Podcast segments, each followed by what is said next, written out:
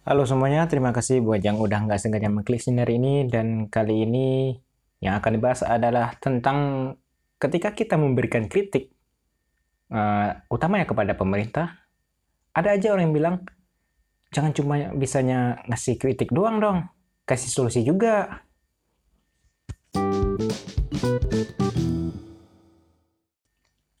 Kayaknya ya, suasana politik uh, terutama di kalangan pendukungnya di Indonesia itu berubah semenjak uh, pertarungan Ahok dan Anies di DKI Jakarta kayaknya ya.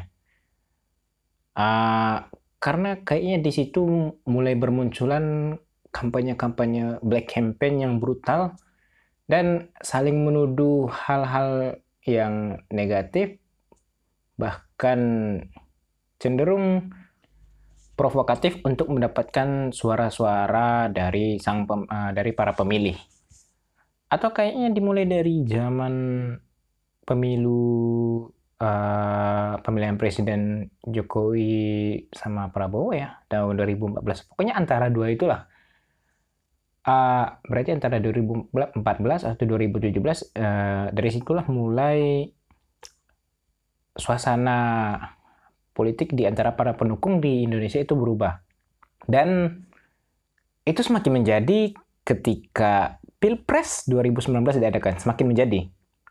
Ada yang bilang kalau milih ini nanti azan tidak berkumandang di Indonesia.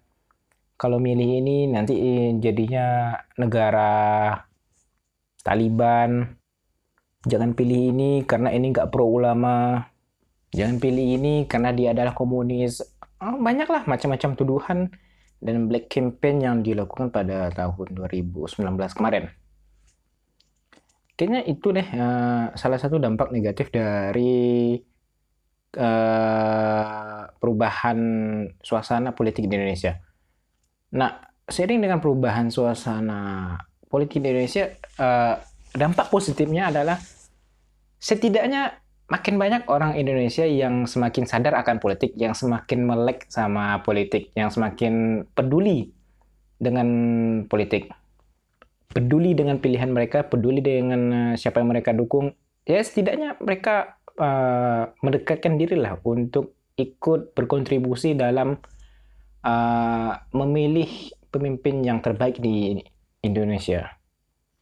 Nah, dengan banyaknya juga orang yang semakin sadar dengan kepedulian terhadap politik, semakin banyak pula orang yang sadar untuk peduli dengan apa yang dikerjakan oleh pemerintah, peduli dengan nasib Indonesia ke depannya, peduli dengan kebijakan-kebijakan yang akan diambil oleh pemerintah. Ya, bagus sama-sama menjaga Indonesia, sama-sama mengawasi pemerintah uh, Indonesia dalam menjalankan tugasnya. Dan tentunya dong dalam hal upaya kita uh, untuk memajukan ikut andil dalam memajukan Indonesia, ikut andil dalam menjaga Indonesia, ikut andil dalam uh, menjaga pemerintah untuk memajukan Indonesia. Tentu salah satu cara uh, kita untuk ikut membangun dan menjaga Indonesia ya dengan mengkritik pemerintah mengkritik apa yang pemerintah lakukan, mengkritik kerjaan pemerintah, mengawasi dan mengkritik orang-orang yang kita pilih atau orang-orang yang terpilih gitu.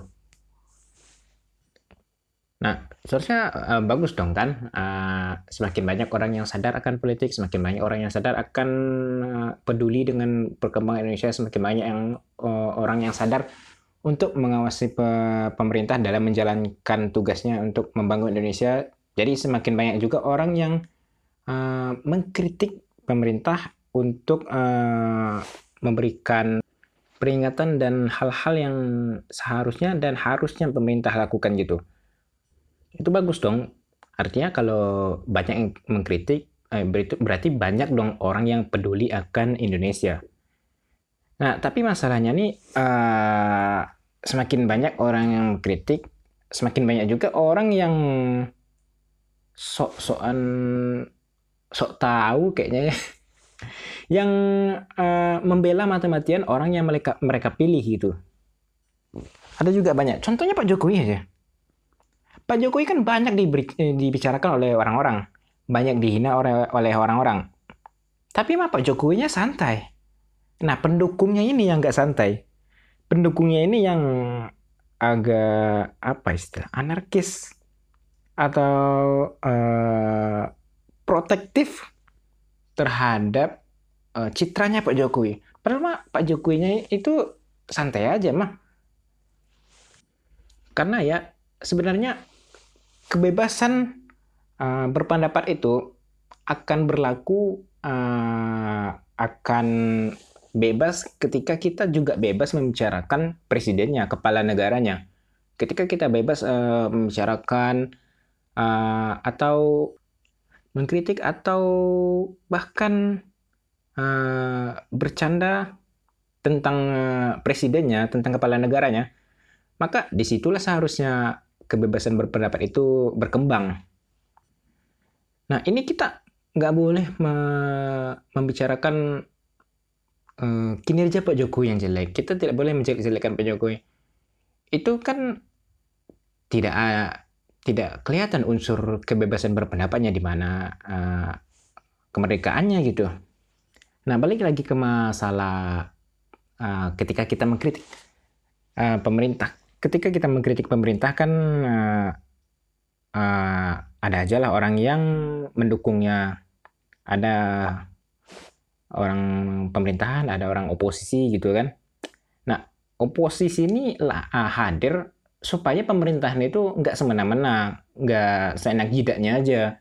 Makanya lahir kubu oposisi. Jadi emang nggak bagus, emang nggak bagus kali kalau semua partai itu masuk ke pemerintahan. Itu akhirnya jadi nggak ada uh, partai atau organisasi kuat yang menghold apa namanya menjaga atau membatasi uh, orang-orang partai yang berada di pemerintahan. Makanya emang harus ada orang oposisi. Dan kubu oposisi di zaman Pak Jokowi ini yang periode kedua itu dikit kali, dikit. Bisa dihitung pakai jari, dikit nah.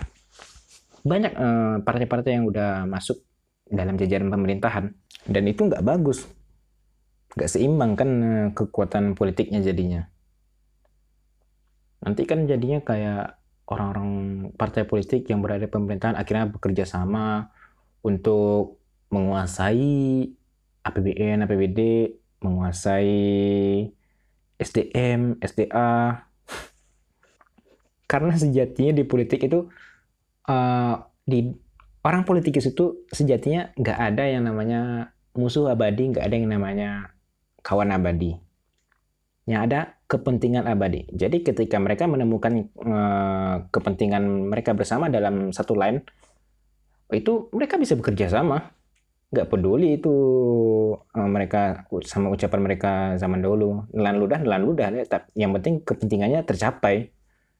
Jadi karena kubu oposisi ini uh, agak lemah ya kayaknya karena tidak banyak kekuatan politik yang berada di sisi oposisi Makanya wajar dong kalau rakyat juga ikut andil dalam menjadi kayak kubu oposisi itu untuk mengkritik pemerintah, untuk mengkritik kerjaan pemerintah. Nah, uh, ketika kita mengkritik kinerja pemerintah, ada aja pasti orang yang bilang kritik doang, kasih solusi juga dong. Orang yang bilang kritik doang kasih solusi juga dong. Itu tuh kayak kita makan di sebuah restoran nih. Terus kita mengkritik makanannya ngeluh soal rasanya ngeluh soal baunya dan eh, segala macam gitu kan. Terus kemudian kokinya bilang kritik doang kasih saran juga dong bumbunya yang kurang pas yang mana. Lah kita kan pelanggan. Kita kan mana tahu kita kita kan cuma orang, -orang biasa. Mana paham kita tentang bahan-bahan makanan? Yang penting ini nggak cocok aja gitu. Ini nggak pas aja. Ini nih seharusnya bukan kayak gini gitu. Kok uh, kayak gini rasanya kok kayak gini baunya? Pasti ada yang salah. Ya perbaiki dong kan kamu yang paham. Saya bar kamu biar untuk memuaskan uh, rasa rapar saya. Indra perasa saya memuaskan indra perasa saya gitu kan. Orang biasa mah cuma tahu kalau ini nggak benar gitu. Cara merapinya ya uh, silahkan pikirkan dong kan kamu uh, udah saya bayar gitu. Atau nih ketika kita main game terus ada bug nih di gamenya. Ada nge-lag gitu di gamenya. Terus kita ngeluh dong sama developernya. Ngeluh. Terus developernya bilang ngeluh doang kasih petunjuk juga dong coding errornya di mana di line berapa errornya. Eh buset orang aja dibayar buat jutaan rupiah untuk nemuin bug untuk nemuin kesalahan itu.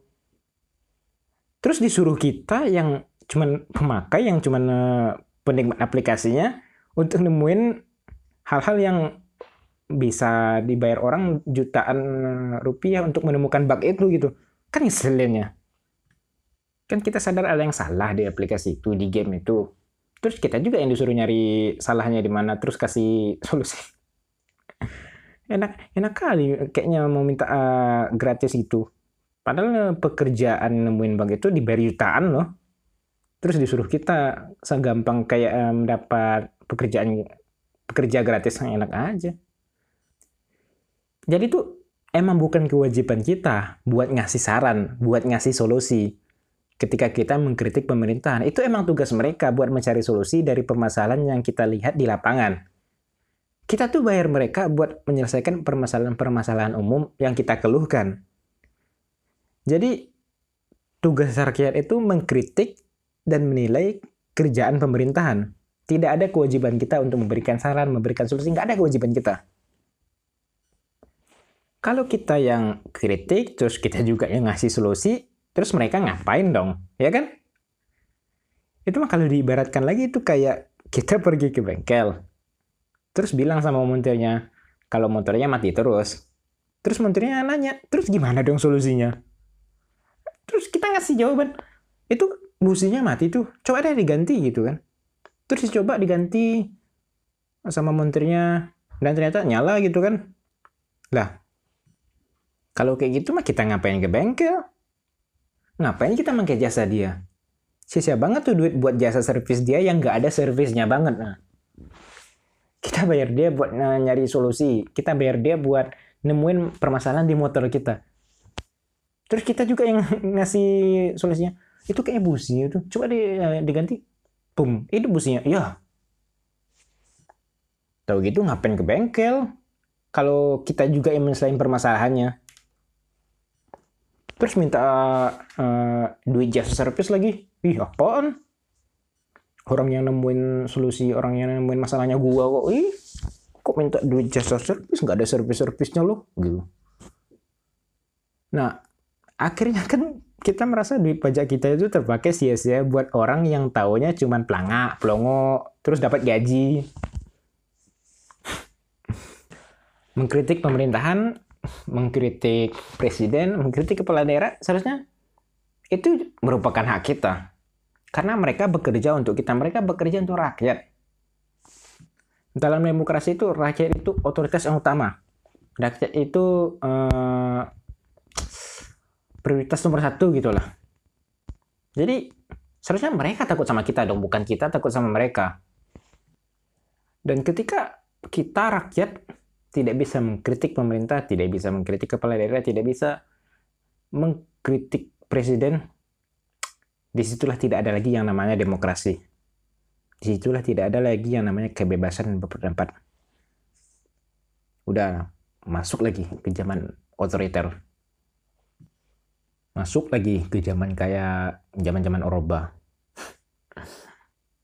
Terus gitu mah buat apa perjuangan orang pada zaman reformasi gitu kan kalau ujung-ujungnya kembali ke Eropa. Oke deh, terima kasih buat yang udah dengerin. Ciao.